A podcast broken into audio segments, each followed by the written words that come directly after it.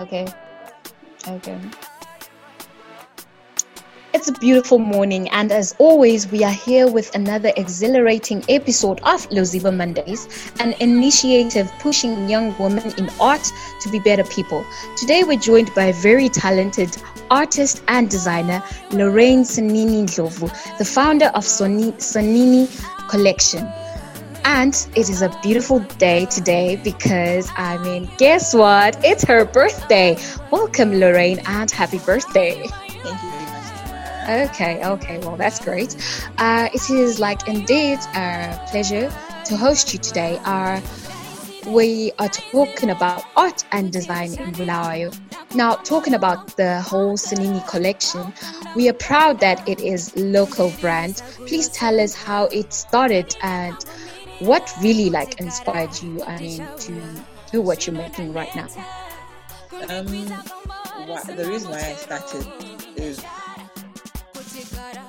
I wanted bags that represented me, what I felt. Oh, wow. So that's why I started doing what I do, designing the bag.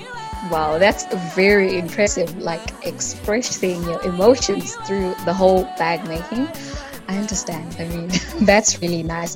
So, uh, tell us about any great moments like throughout your journey. Like, what opportunities like have you come across? Um, there's so many. I'm trying to think, but I mean, the one that you're like, yeah, that was the greatest. you know, the first time I took part in a fashion show, yeah. um, it was held at it was held right here in Bulawayo, um, Horizon. Yeah.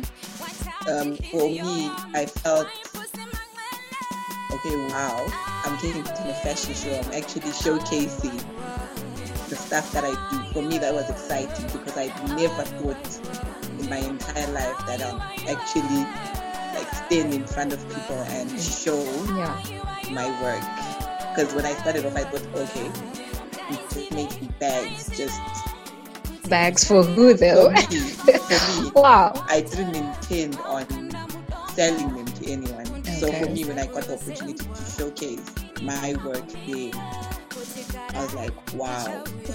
Oh, okay. well, at least you had fun in that.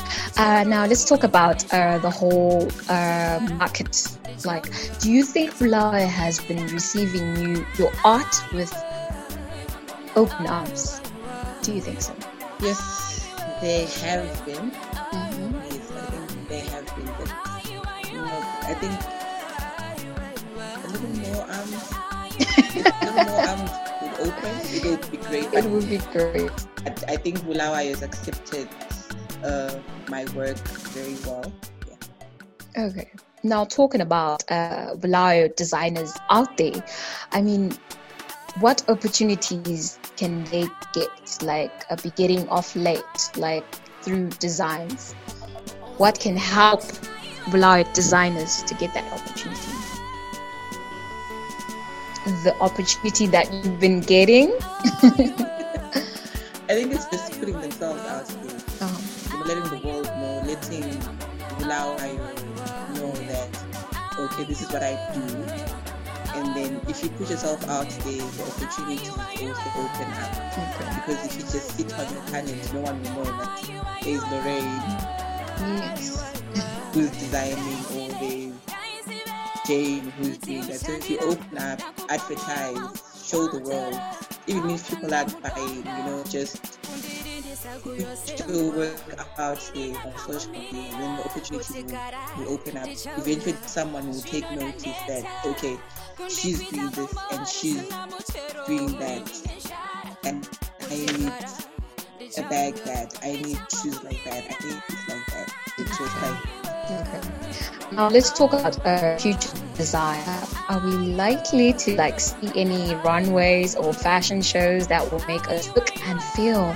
I mean, that we wearing. I mean, from what we have been seeing from the whole people going to buy things from Amapele, and like, are we likely to see any of those, like from you or from any designers? yes, yes, Definitely. We should. yeah, because we need something that is made by local and we need to feel that sense of, you know, local. So yeah.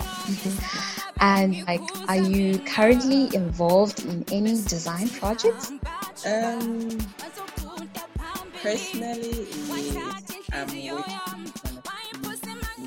I mean, we uh, we're in the pandemic of Corona. Have you designed any like mask? one? Uh, yes. Um, like when the whole pandemic started, mm-hmm. um, I was there by the university and we managed to produce masks. And then I also partnered up with um, another organization called RADA, uh-huh. and we made masks. So yes, we've played our part in making that people are safe and protected uh, during this. Okay, okay. Understand. Now, uh, for interest sake, right? What, okay, like we would see designs on shops, like on what I mean, the designs that you make, the bags, how can we tell that that is ro- design that? I mean, that that is you of the bags that you made. Uh, usually I use African prints. Right. If you open up the bag, uh-huh. it's African prints inside. Okay. So that's how you can tell that okay, this is the rain bag, mm-hmm. and then there are also tags, returns oh. mini collection. But mostly it's the lining that's inside because that's how I've made my bags a bit different. Okay. Outside it may look like like a bit similar to another bag, but if you open it, the lining, and I had also I also used tags. Okay, well that's nice. Uh, as we wrap up the show, any parting words to other young female designers in the city? don't give up. don't give up. If okay. you have that you go through with it, don't be afraid. You know, otherwise very true now i bet the listeners out there are very keen to know where they can find you like on social media links I'm on Instagram as Mini Collection uh-huh. and on Twitter, Mini Collection. Okay. Facebook, As well. Okay. Okay, thank you so much for joining us today, Lorraine. We wish you all the best in your career. Playing on the background was AJ August, titled Mulondo, I will be leaving you with a poem from Tandi Wengomo. I am Spoiler Tamara. Till we meet next time, thank you and be safe.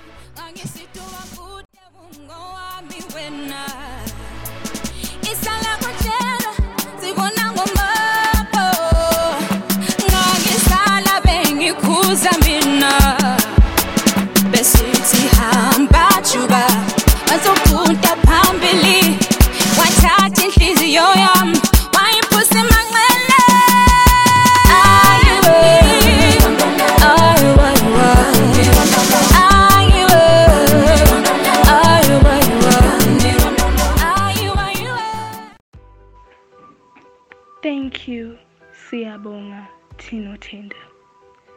I still thank you.